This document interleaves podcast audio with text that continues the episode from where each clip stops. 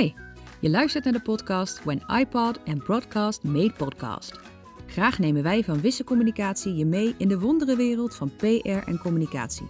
En gaan wij in elke aflevering dieper in op een van onze expertises. In deze aflevering willen we een beeld schetsen van de afdeling communicatie bij een zorginstelling. Waarom juist deze insteek? Met name omdat communicatie bij een zorginstelling een heel andere dynamiek kent dan communicatiewerk in welke andere sector ook. De zorgsector is een branche die altijd goed is voor een citaat van een zielige cliënt of een boze verwante, voor een tendentieus verhaal over zorgcowboys en voor vloedgolven aan vervelende aandacht via social. Maar ook een branche die garant staat voor heel mooie patiëntverhalen, voor compassie, voor innovatie en voor extreme betrokkenheid. Daarom hebben we een aantal communicatie-experts uitgenodigd die we graag aan het woord laten over hun ervaringen. Alright, zullen we gewoon uh, beginnen? Uh, Rachel Denneboom van de Parabool, Nanda Troost van Serenlo, Anita Kiers van Zorggroep Noordwest-Veluwe en Marielle Steenveld van Coloriet. Dames, van harte welkom. En ik leid meteen mijn eerste vraag in. Hoe kan het dat hier alleen maar dames zitten? Rachel. Ja, ik denk dat uh, vrouwen sowieso oververtegenwoordigd zijn in de hele sector. Dus logischerwijs dan ook in ons vak. Mm -hmm. In de sector of in het vak. Hè? De, eh, de zorg is een vrouwensector en communicatie is ook een vrouwensector. Volgens mij is wel 80, 85 procent werkzaam in de zorg is vrouw. Logisch gevolgd dat je ook op de afdeling communicatie of marketing en communicatie ook een oververtegenwoordiging hebt aan vrouwen. Mm -hmm. Anita Nanda Marielle, mee eens? Ja, daar ben ik het mee eens. Bij ons nog wel een hoger percentage aan vrouwen. Behalve in het hogere management, dat is dan wel weer bijzonder. Daar zien we weer mannen. Ja, ook, ook op de communicatieafdeling. Ik heb één keer een man op mijn afdeling gehad, uh, waar ik een tijd mee heb mogen werken. Dus uiteindelijk vertrokken naar de commerciële sector ook. En verder is het een en al vrouw. Ja, grappig dat onderscheid, hè? zorg en uh, commercieel. Welke vrouwelijke vaardigheden komen specifiek van pas in de, in de zorg? Nanda? Natuurlijk niet echt van de zorg. Uh, maar de specifieke vaardigheden in de zorg, uh, dat gaat natuurlijk om het zorgen. Nou ja, in de, sorry, de, de communicatie in de zorg bedoel ik dan. Hè? Ik weet niet of je nou specifieke vrouwelijke vaardigheden moet hebben. Bij Cerelo werken op onze afdeling ook best een aantal mannen, hoewel vrouwen in de meerderheid zijn. Ik denk wel dat communiceren zegt dat vrouwen toch beter zijn in communiceren. Wij praten meer. Laat ik het zo zeggen. daar, uh, dat wordt een uh, andere discussie, maar ik ben heel benieuwd hoe dit uh, verder gaat. Ja, maar ik wilde, ik wilde nog iets anders zeggen. Als ik naar mijn vakgebied kijk en journalistiek, dat zie je ook vervrouwelijken. Mm -hmm. Maar je ziet dat wel meer. En kijk naar studenten, mm -hmm. zijn er meer vrouwen dan mannen die hoog opgeleid de arbeidsmarkt opkomen. Dus ja. een positieve draai. Mm -hmm. Nog één ding. Het is natuurlijk wel typisch dat we hier met allemaal vrouwen zitten en Ja. de man de gespreksleider is. Ja, ja inderdaad. Het is eh, vrij vreemd. Als je de, de bevolking bekijkt, heb kunnen kiezen uit een lijst met 41 contactpersonen, waarvan één man, los van mezelf, hè, één crisiscommunicatiecontact is man en die werkt bij een vastgoedbeheerder. Dus die aan zorginstellingen verhuurt. Heel raar deze tendens, maar zo is het eh, gewoon. Ja, ik ben wel getriggerd door jouw opmerking. Wij praten meer dus, wij communiceren anders, beter. Hoe zei je het, Nanda? Vaak wordt dat gezegd, hè? Eh, vrouwen Mhm. eh, praten meer. Nou is dat heel generalistisch. Er, er, zit, ja, er zit in dat soort opvattingen vaak ook wel een kern van waarheid. Vrouwen zijn denk ik ook taliger. Dat denk ik wel. Ja. Anita? Zorg is natuurlijk vreselijk persoonlijk en uh, heeft heel veel met emotie en veiligheid of gevoelens van onveiligheid te maken. En ik denk dat in de communicatie ook heel veel sensitiviteit nodig is. En ik denk Mhm. dat dat ook een eigenschap is waar vrouwen veelal goed op scoren. Ja. Marcel, Marielle, hebben jullie uh, input? Ik ben heel toevallig in de zorg terechtgekomen. Heb me als vrouw redelijk staande kunnen houden, ook in de commerciële wereld. Mhm. Dus ja, ik zie eigenlijk dat verschil niet zo. Het is een vak, marketing en communicatie, of je dat nou in de zorg doet of uh, in de commerciële wereld, is in mijn optiek, zou het geen verschil moeten zijn. Het enige wat Anita zegt, daar ga ik wel in mee. Een stukje empathie, niks ten nadele van mannen, maar dat hebben vrouwen nou één keer meer. Mhm. Ja, inderdaad. Als wisse communicatie doen heel veel crisiscommunicatie. En dan merk je dat verschil. De mannen die hebben hun boodschap in twee regels uh, verteld. Soms te weinig empathie, soms veel te zakelijk. Vrouwen die uh, hebben daar meer gevoel voor, voor de juiste bewoordingen. maar zijn soms te breedsprakig. Dat is mijn beleving. Hè? Meteen even het bruggetje. Horen jullie aan de bestuurstafel te zitten als afdeling communicatie? Er wordt geknikt, Marianne. Wat voor mij geldt is dat ik hoef niet aan de bestuurstafel te zitten, maar ik heb wel een hele goede band met de bestuurder. Mhm. Ik spreek onze bestuurder eh, één keer in de twee weken voor een blog die ik voor haar schrijf. En daardoor weet ik gewoon heel goed ah, wat er speelt in de organisatie, maar ook hoe zij er tegenaan kijkt. Maar ik hoef niet aan de directietafel te zitten om te vergaderen, als ik maar wel de verslagen ervan krijg, waardoor ik weet wat er speelt. Zou jij niet de persoon moeten zijn die de verslagen ook mede zou moeten opstellen? En dat is even mijn eigen inzicht de bestuurder ook al moeten informeren en adviseren terwijl hij of zij zegt wat er speelt. Zodat jij het kunt doorvertalen naar intern, extern. Ja, maar weet je wat is? Dat, is wel even één heel mooie les die ik geleerd heb, dan weer van mijn leidinggevende. In de zorg gaat geld, hè, bij ons is geld voor de zorg gaat naar de zorg. Dat betekent dat eh, wij een kleine communicatieafdeling zijn. Aandacht voor communicatie is gegroeid binnen uh, Coloriet. En dat hmm. betekent dat je ook je rol uh, moet proberen te pakken en je afdeling een soort van uh, een, een, rol in de organisatie moet geven. Hmm. En als je wil, kan je wel uh, nou, voor acht man of voor tien man werk hebben.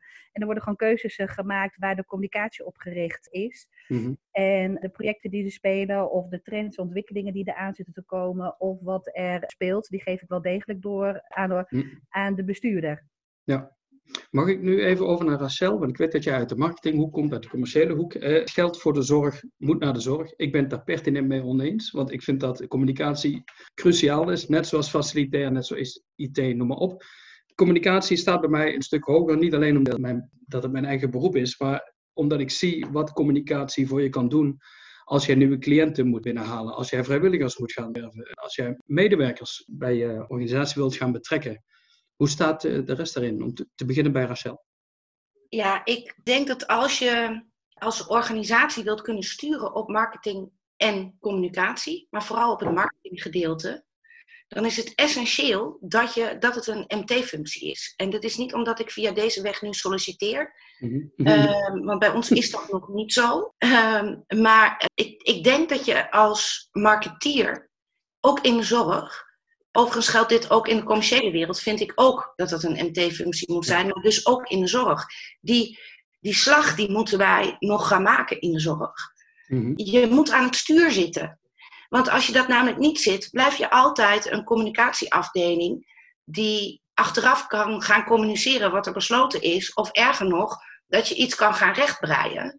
Maar je zit altijd achteraan in de, in de rij, zeg maar. En je moet eigenlijk mede dat schip gaan sturen. Mhm, en je moet verantwoordelijk kunnen zijn met elkaar om te zeggen, we gaan links of rechts af. Ja. En inderdaad, wat jij zegt. Kijk, de zorg is natuurlijk al commerciëler geworden dan, uh, dan ooit, denk ik.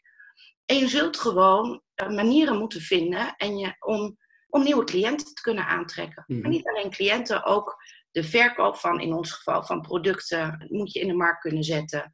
Dus er moet een andere manier van denken komen en deze hoort daarbij, denk ik. Mm Anita en, Nanda, mag ik jullie uh, mening hierover? Anita, van jou weet ik dat je al een tijdje meeloopt in de zorg. Nanda is eigenlijk net, nieuw, hè? die komt uit de journalistiek. Wat vinden jullie hiervan?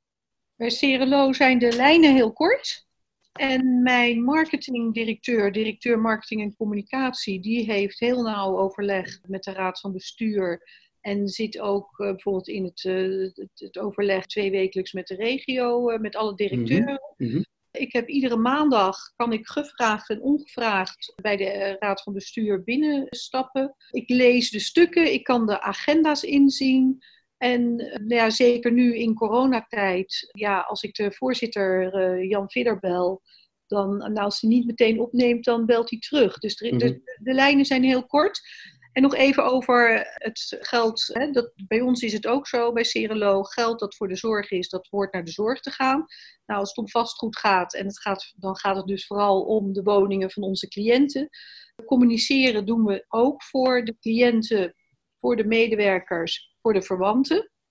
Dus dat is ook zorggerelateerd. En daardoor vind ik wel dat je moet niet gaan investeren in communiceren in overhead en vergaderen om het vergaderen. En de korte tijd dat ik nu meeloop, zie ik dat bij Cerelo het wel heel direct op de zorg gericht is. Mm Rachel, Anita, kom zo bij jou. Helemaal eens, maar helemaal in het begin hoorde ik al wel mijn directeur marketing en communicatie zeggen dat binnen Cerelo, en, en, en, en dat begrijp ik, want jullie zijn natuurlijk ook nou ja, een hele grote organisatie. Maar daar is dus een directeur marketing en communicatie die daar wel aan tafel zit. Iedere maandag is er een contactmoment voor mij. En dat is gevraagd of ongevraagd. En ik kan ook op ieder moment met alle drie, en er komt straks een vierde tijdelijk. Ja, ze zijn, wat ik zei, de lijnen zijn kort. Dus er loopt, uh, ja, ik, ik, zie, ik, ik, zie mezelf ook meer als een vrije rol omdat ik perswoordvoerder ben.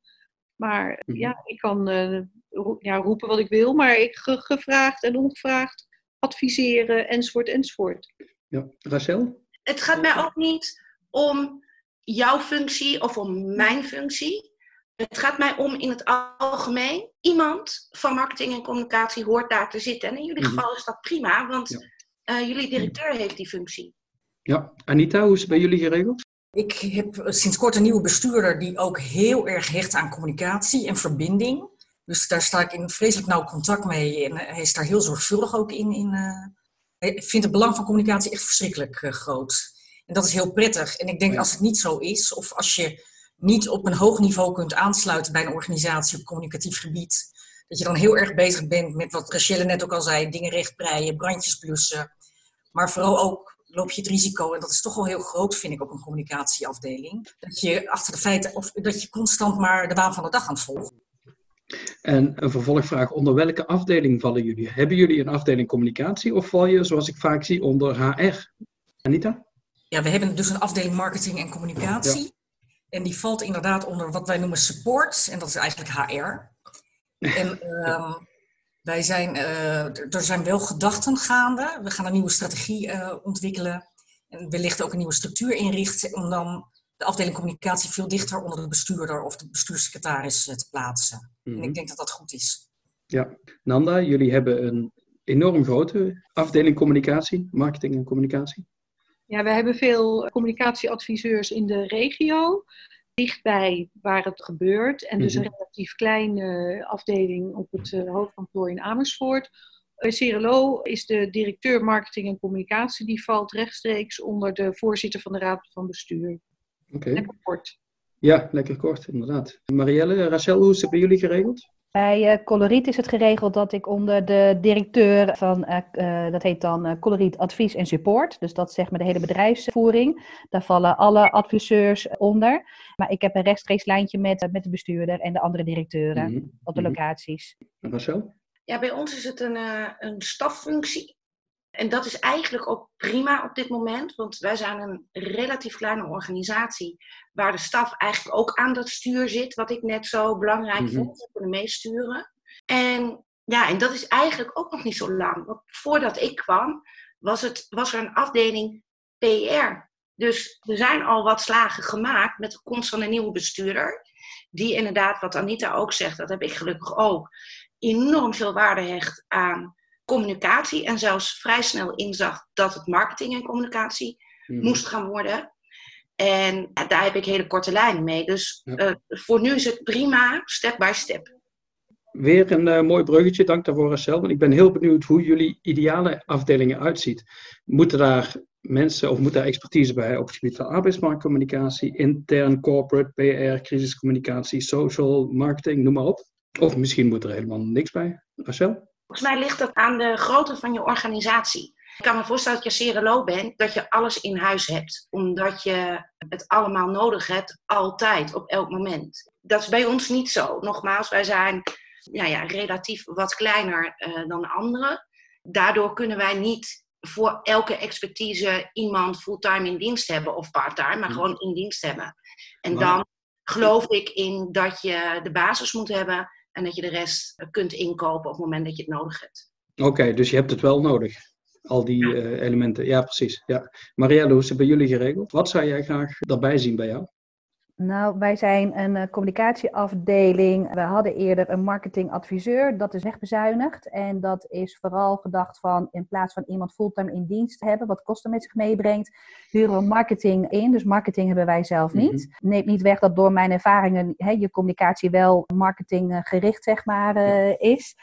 Eigenlijk is het zo dat we vooral zelf met onze boerenverstand, maar daar komt dat scheelt dat wij vooral in, hè, in, in een polder zitten waar we aan het pionieren zijn en aan het meegroeien zijn met de mhm. inwoners. Dus dat is allemaal vrij, nou ja, eigenlijk in verhouding waarschijnlijk met in de steden of grotere organisaties die al veel langer zijn, uh, zoals Herenlo. Mm Dus wij eh, zijn zelf eigenlijk nog heel veel aan het doen. Vinden we ook leuk. Daar waar we geen verstand van hebben, ja, daar halen we mensen bij. Ja, oké. Maar dat is dan op inhuurbasis. Ja, ik ben wel blij om te horen dat jullie allemaal denken van, nou, het moet allemaal, maar het, het, kan niet allemaal uit het budget. Ja, we komen er wel. Nanda, bij hebben we natuurlijk ook in de regio, daar zitten communicatieadviseurs die het, nou simpel gezegd, in hun eentje doen hè, in die regio. Op kantoor zit bijvoorbeeld uh, iemand deskundig op arbeidsmarkt, vastgoed, daar zitten ook uh, marketeers. En die uh, ondersteunen de regio. Dus in plaats van ja, dat, dat dat per keer hoeft ingekocht te worden, zullen, ze, zullen mijn collega's de ene keer bezig zijn met, nou ja, ik noem even Bedum, en de andere keer met Druten. Ja, ja, precies. Maar goed, met een instelling met jullie omvang kun je dat zo verdelen natuurlijk. Maar ik snap het, ik ken coloriet natuurlijk en dat is een stukje kleiner. Ik, ik snap dat zij moeten schipperen. Ja, maar dat vind ik ook leuk, hè? Dat is ook leuk. Ik bedoel, toen ik, uh, ik werk nu 3,5 jaar zo'n beetje bij uh, Coloriet. In het eerste jaar was ik totaal niet met HR-collega's bezig, maar vooral hmm. met nou ja, PR en dat soort zaken. En uh, cliënteninformatie. En, ja, en toen kwamen ze erachter wat de kracht van de communicatieafdeling was. En ineens hmm. kwam de Ik-Zorgcampagne en zijn wij met de HR-mensen veel op de tafel. werd het ineens arbeidsmarktcommunicatie wat we aan het doen zijn. Daar ligt dan de focus op. En, in, en, ineens willen wij meer mensen zelf opleiden en zijn wij ineens een uh, hebben we een eigen opleiding en zijn wij ineens een, een opleiding aan het promoten. Dus, maar die afwisseling, ja, ik hou daar ook van. Ja. ik loop inmiddels twaalf jaar mee in de zorg en ik heb het echt zien veranderen van, en dan heb ik het vooral over de communicatieafdeling bij zorginstellingen, van anderhalf FTE die folders zat te maken, ja. naar, nou ja, eh, hier eh, vier voorbeelden op het scherm. Doorgewinterde professionals die uit alle vakgebieden expertise aandragen en zo'n instelling, ik, wou, ik wil niet zeggen commerciëler laten denken, maar vooral professioneler. Professionaliseringsslag, ja. die is heel belangrijk geweest. Die heb ik eh, in de loop van de tien jaar gezien. Uh, Nanda. Ik ben relatief nieuw in de, in de zorgsector. Wat mij opvalt is dat de sector heel bescheiden is. Mhm. En dat heel veel bijzondere dingen gewoon worden gevonden. Dat zie ik als mijn taak, want er zijn enorm deskundige en professionele mensen. Maar het is mijn taak, mijn rol. En dat lukt hier en daar ook om te zeggen van ja, maar wat jij doet, dat is niet, uh, dat is niet gewoon. Dat is heel mm bijzonder. Dus kom op met je verhaal. Weer een mooie brug, Nanda. Dankjewel. Want mijn volgende onderwerp. Jij bent van een van mijn favoriete Volkskrant-journalisten gegaan naar perswoordvoerder bij Serenlo. Jouw artikelen en die van Ellen de Visser, die las ik uh, standaard. Van waar die overstap? Van waar die overstap? Even heel algemeen. Ik vond het niet leuk meer. En dan mhm. eh, kan je, wat je soms ziet gebeuren, een zure oude man worden. Of, uh, sorry, of je kan, die geldt niet voor jou natuurlijk, nee, of je kan iets anders gaan doen. En eh, ik had dus een stukje van mijn geliefde nodig, die zei, waarom ga je niet weg bij die puntje, puntje krant? En daar had ik natuurlijk nooit over gedacht, want het is heel comfortabel. Iemand zei ook van, besef dat je weggaat uit de eredivisie. Mhm. Maar ja, in ieder geval, ik ben met een kleine omweg bij een, een grote organisatie in een sector terechtgekomen waar ik niet, uh, hè, ik zag de vacature, ik, ik, had het nooit zelf bedacht. En ja, zo, zo is het gekomen. En ik denk dat mijn toegevoegde waarde is dat ik heel erg met die journalistieke blik kijk. Ja, ja. Wat, wat willen journalisten? Wat zijn verhalen waar je mee naar buiten kunt? Ja, de journalistiek is natuurlijk essentieel voor zorginstellingen, maar ook niet alleen de waakhond van de maatschappij, luis in de pels, maar af en toe gewoon schofterig. Laten we eerlijk zijn, we, hebben allemaal te maken met crisiscommunicatie. En heel vaak werken ze ook niet mee. Anita, wat zijn jullie ervaringen op dat gebied? Nou, ik zit op dit moment midden in een debakel van een dochter van een cliënt bij ons. Uh, erg veel op de media zich manifesteert in negatieve zin, ook rondom ons. Nou ja, ik kreeg nou net een appje binnen met een artikel van de Telegraaf. Eh, ze heeft de Telegraaf ook benaderd. Ze is heel actief op de social media en echt in negatieve zin ons ja, toch wel behoorlijk zwart aan het maken. En ik ervaar over het algemeen toch wel dat uh, journalisten zijn soms gebrand op wat meer spectaculair nieuws. Ja. Maar over het algemeen kun je er ook heel erg goed afspraken maken over hoor en wederhoor. En in dit geval dus ook van, joh, we, willen graag meewerken, maar mag ik wel even meelezen op feitelijke onjuistheden? Mhm. en over het algemeen ja, vind ik de samenwerking best heel goed verlopen. Ja, ik zie vaak dat journalisten behoorlijk op zoek zijn naar sensatie voordat ze met de, objectieve verhalen komen. Wat is jullie mening hierover? Nanda? Journalisten komen gauw in aanraking met een ja, sensatieverhaal, om dat zo te noemen. Uh, ik denk dat social media daar een belangrijke rol in, uh, in spelen. Ik ben het wel eens met de collega's hier dat als je het gesprek aangaat en als je uitlegt hè, wat, er, wat er nou achter steekt, dat journalisten dat heel goed begrijpen. En een ander, uh, andere trend is dat er uh, journalistiek is nog vluchtiger geworden dan, het, dan ze misschien mhm. was. In ieder geval als het gaat om flexkrachten, stagiairs die uh, volledig worden ingezet. Dat mensen niet altijd weten hoe, hè, want de zorg kan natuurlijk ook heel complex zijn. Daar hebben, hebben we wel een mooie rol te vervullen. En dan merk je ook wel dat er journalisten zijn met wie je een band opbouwt, die gewoon de, de mooie, de diepgravende verhalen willen. En soms is dat niet altijd positief misschien voor je instelling, mhm. maar ik vind het belangrijk, en dat zie ik bij Cerelo, als je een verhaal hebt waarom je bepaalde keuzes maakt, waarom het soms tegen zit. Nou, een mhm. goede journalist besteedt er ook aandacht aan, hoor en wederhoor. Ja, absoluut. Anita? Ik denk dat er ook, uh, wat ook meespeelt, is wij proberen echt heel erg open te zijn. Echt met, met goed nieuws en met slecht nieuws. En um, dat we daarmee ook, met name met de journalisten waarmee ik dan zeg maar een soort van relatie heb opgebouwd, daarmee ook heel betrouwbaar zijn geworden en uh, toegankelijk. Mm -hmm. Dus het bouwen aan die relatie en inderdaad hartstikke transparant zijn in goede tijden en in slechte tijden, dat helpt enorm. Ja, Rachel, Marielle, ik neem aan dat jullie ook wel eens last hebben van wat er allemaal op social gebeurt, waar een journalist zich op gaat baseren. De volkswoede die jullie dan over je heen krijgen. En je staat al 2-0 achter als je je moet gaan verdedigen. Klopt dat? Zal ik uh, beginnen? Ja, ik heb dat eigenlijk gelukkig, knock on wood, bijna niet bij de parabool. Mm En dus niet omdat wij uh, uh, niks verkeerd doen of dat het allemaal, uh, dat er bij ons nooit wat gebeurt of zo. Ik denk ook dat het een beetje aan de regio ligt. Het is in Salland allemaal wel een beetje gemoedelijker. En ja, ik geloof heel erg in wat Anita en, en Nanda net ook zeiden, in het contact met journalisten, gewoon met de pers in het algemeen, in het, zeg maar, gewoon regulier hebben. Een soort mhm. van basis hebben waarin je dingen met elkaar kan delen. Ik zit naast de parabool ook nog in de politiek. En dat, dat, nou ja, daar ben je natuurlijk enorm afhankelijk eh, van de pers. En ja, ik merk gewoon dat als je een goede band hebt met journalisten, dat het net mensen zijn, zeg maar. dat je de beste kan. Dat klopt. En social media, ja, dat, daar heb ik uh, natuurlijk een mooi webcare systeem voor. Mhm. En uh, over het algemeen komt daaruit dat er heel positief gesproken wordt over de parabool.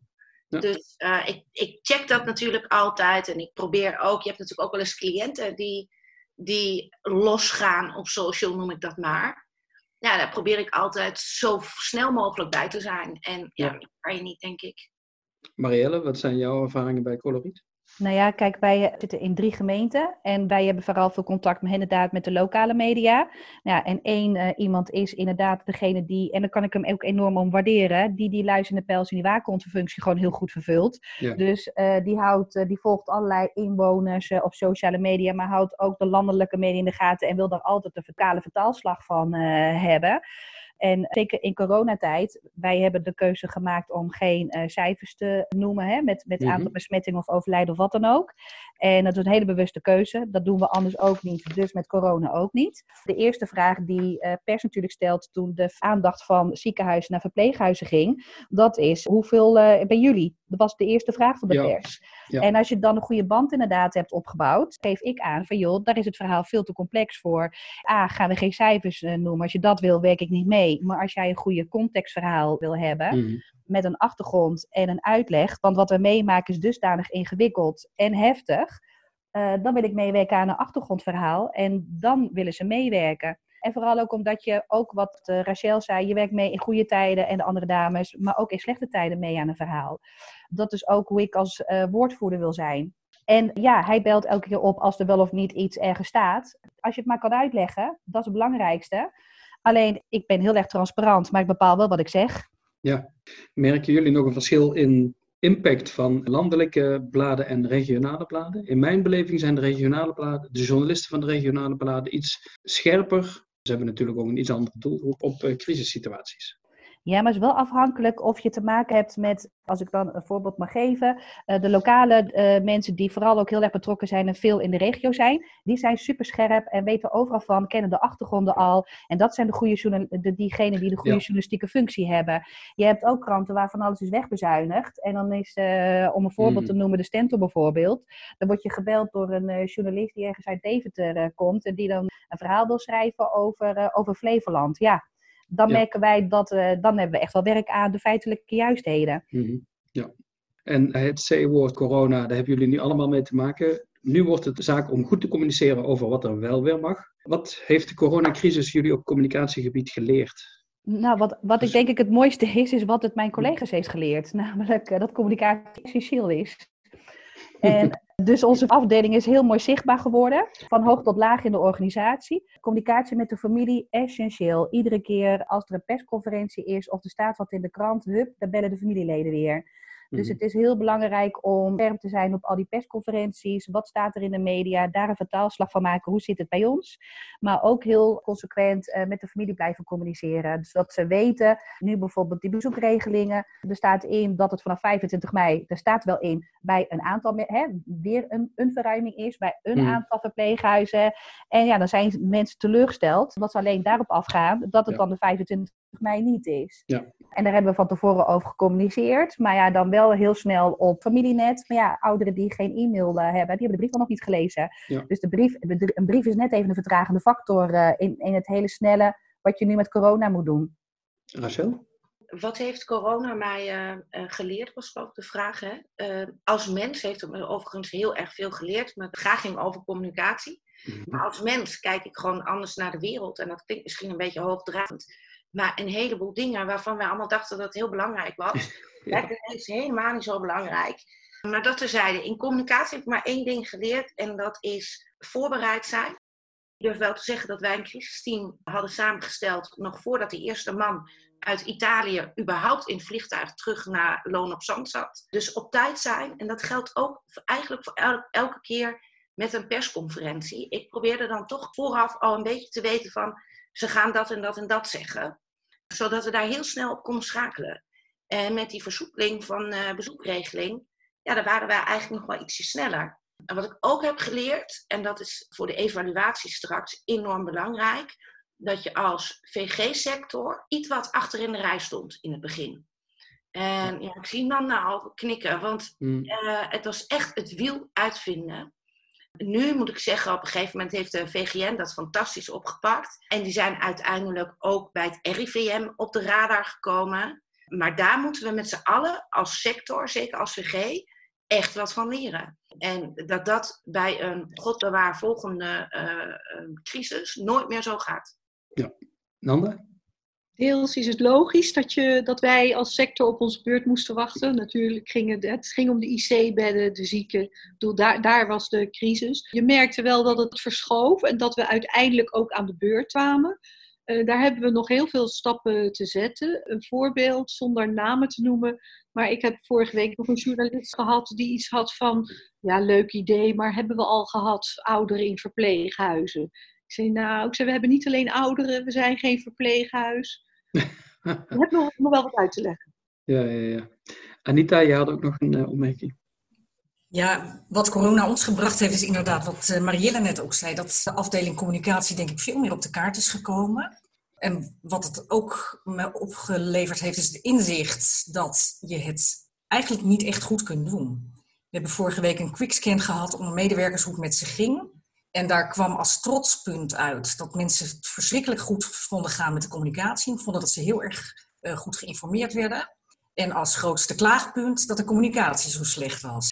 Dus wat dat betreft is het heel moeilijk om, om iedereen tevreden te stellen en om het, ja, om het goed te doen voor iedereen. -hmm. Dat is ja. zelfs onmogelijk. Uh, wat de verpleeghuizen betreft, die stonden eigenlijk ook, vonden wij wel behoorlijk achteraan in de rijen van de aandacht. Want daar voltrok zich echt een stille ramp.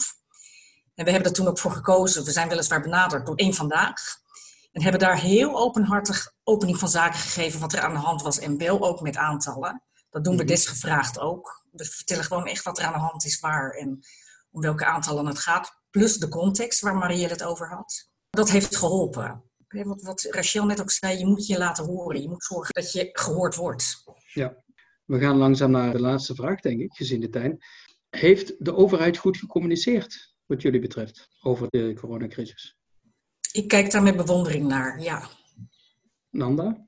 Absoluut. En uh, je ziet dan ook wel de truc als uh, journalist dat op de dag van de persconferentie er eigenlijk geen nieuws meer is, omdat dat natuurlijk een beetje gelekt wordt, zodat we niet te veel schrikken. Waar het mhm. wel iets beter had gekund, en dat ligt zowel bij de overheid als ook in ons geval bij de VGN, is dat met name bij de laatste persconferentie, waar dan ineens wordt gezegd van nou bezoek moet weer dan en de dagbesteding moet weer dan, daar hadden ze ons eerder mogen meenemen. Dat hebben wij gered als Cerelo, omdat wij ons zo ontzettend goed met crisisteams hebben voorbereid. Maar we hebben ons eh, uit de naad gewerkt om dat op tijd eh, te krijgen. Terwijl we dus al zoveel hadden. Denk, laat even weten dat dat eraan komt. Precies. Embargo. Jullie werden verrast door de boodschap van de persconferentie, begrijp Ja, wij hebben steeds geprobeerd en dat is gelukt om vooruit te lopen op. Maar daardoor, omdat we zoveel hadden, is het gelukt. Maar denk, laat dat nou even een dag eerder weten. Dan, nou ja, dan, dan was die gillende haas eraf uh, geweest. Maar mm dat vind ik wel, dat is iets wat ik van deze crisis ook heb geleerd. Omdat ik dat nu zo van een andere kant zo dichtbij meemaak. Is hoe professioneel er gewerkt wordt. Ja. Daar heb ik echt respect voor. Ja. Marielle en Rachel, wat is jullie mening? Heeft de overheid goed gecommuniceerd over de coronacrisis? Ja, ik vind van wel. Ik heb uh, mezelf toen ook aangemeld voor die NKC-nieuwsbrief en voor de, uh, de Rijksoverheid-updates. Het helpt gewoon dat je voorbereid bent, maar dat helpt ook dat je gewoon zelf alles goed in de gaten houdt. Qua talkshows, waar gaat het naartoe? Wat is de aandacht in de media? Wat is de sensitiviteit? Ben je ook voorbereid? Maar wat we wel uh, vervelend vonden, is inderdaad die bezoekregelingen die dan ineens tevoorschijn komt. Maar vooral ook dan de data, dat je die ietsje eerder had willen weten. En uh, de timing, hemelvaartweekend. Je bent allemaal, uh, ik heb gewoon periodes van zeven dagen in de week werk achter de rug. Ja. En we, we, we, keken allemaal uit naar het hemelvaartweekend. en dan is het zo'n pilot en dan is dan dat de volgende datum 25 mei is. Dus dat, dat, dat soort timing dingetjes, dat je denkt, had dat even ietsje anders gekund. Maar goed, hè? nee, ik vind knap wat de overheid gedaan heeft. Ik bedoel, uh, eh, 7 miljoen mensen die naar een persconferentie met z'n allen zitten te kijken. Dat, uh, dat geeft wat aan. Ik vind het knap wat Rutte heeft gedaan. Ik vond het jammer af en toe de, de interviews in het Nederlands Dagblad van uh, minister Hugo de Jonge. Dat was even een ding waar uh, we van op tilt uh, sloegen. Maar over het algemeen heel knap gedaan. En inderdaad professionaliteit, zowel vanuit de overheid, maar ook binnen onze organisatie. Iedereen, niks is meer hetzelfde. Hè? Iedereen doet wat anders, ja. heeft een andere rol. En dat mhm. met elkaar allemaal doen, alles loslaten. Dat geldt voor iedereen in de zorg. Ik vind het knap met z'n allen. Rachel, ik zag je instemmend knikken. Ja, dat was toen ze zei dat Rutte het goed deed. Dat Rutte het goed deed, Daar klap ik alles mee nu waarschijnlijk. Ik ben wel op de communicatie ietsje kritischer dan de rest, uh, merk ik. Want ik vind dat ze uh, dat niet op alle vlakken even goed hebben gedaan als overheid. In het begin was je afhankelijk van de website van het RIVM. En uh, zowel alle Nederlanders als wij als zorgprofessionals. Daar zat dan wel een andere pagina achter. Toen gingen ze die hele site ineens op de kop gooien links die niet meer werkte, dus die wij in de procedure hadden en die niet meer werkte, daar kom je dan per ongeluk achter. Mhm. Ehm, ik vond dat het eigenlijk beter werkt op het moment dat dat uit elkaar gehaald werd en dat er ook geïnformeerd werd via rijksoverheid.nl. En vanaf dat moment dacht ik, ja, nu, is het, nu hebben, ze het, hebben ze dat goed gedaan. Ja, voor de rest ben ik het wel met iedereen eens. Het is sowieso heel knap om zoveel mensen hè, uh, je hele land te moeten informeren. En dat met een geprobeerd een eenduidige boodschap. De vertalingen, dat vond ik goed. Wat wij wel hebben gedaan binnen de parabool is eigen persconferenties. Dus op het moment dat Rutte een persconferentie had gehad, dan ging ook onze directeur samen met een contactclown, dat was dan zeg maar in plaats van Irma, de persconferentie mhm. vertalen voor cliënten. Ja. En nu blijkt ook dat wat Rutte zegt voor onze cliënten helemaal niet meer belangrijk is. Nu heeft onze directeur André Leverink heeft gezegd dat er weer bezoek mag komen en nu is het goed. dus het is heel, eh, heel logisch. Ja, een mooie afsluiting van dit eh, gesprek. Ik wil jullie allemaal hartelijk bedanken. Hopelijk tot een volgende keer. Bedankt en een fijne dag nog. Dit was het voor deze week. Heb je een vraag naar aanleiding van deze aflevering? Of heb je een wens voor een thema voor een nieuwe aflevering? Laat het ons weten. We maken deze podcast immers speciaal voor jou.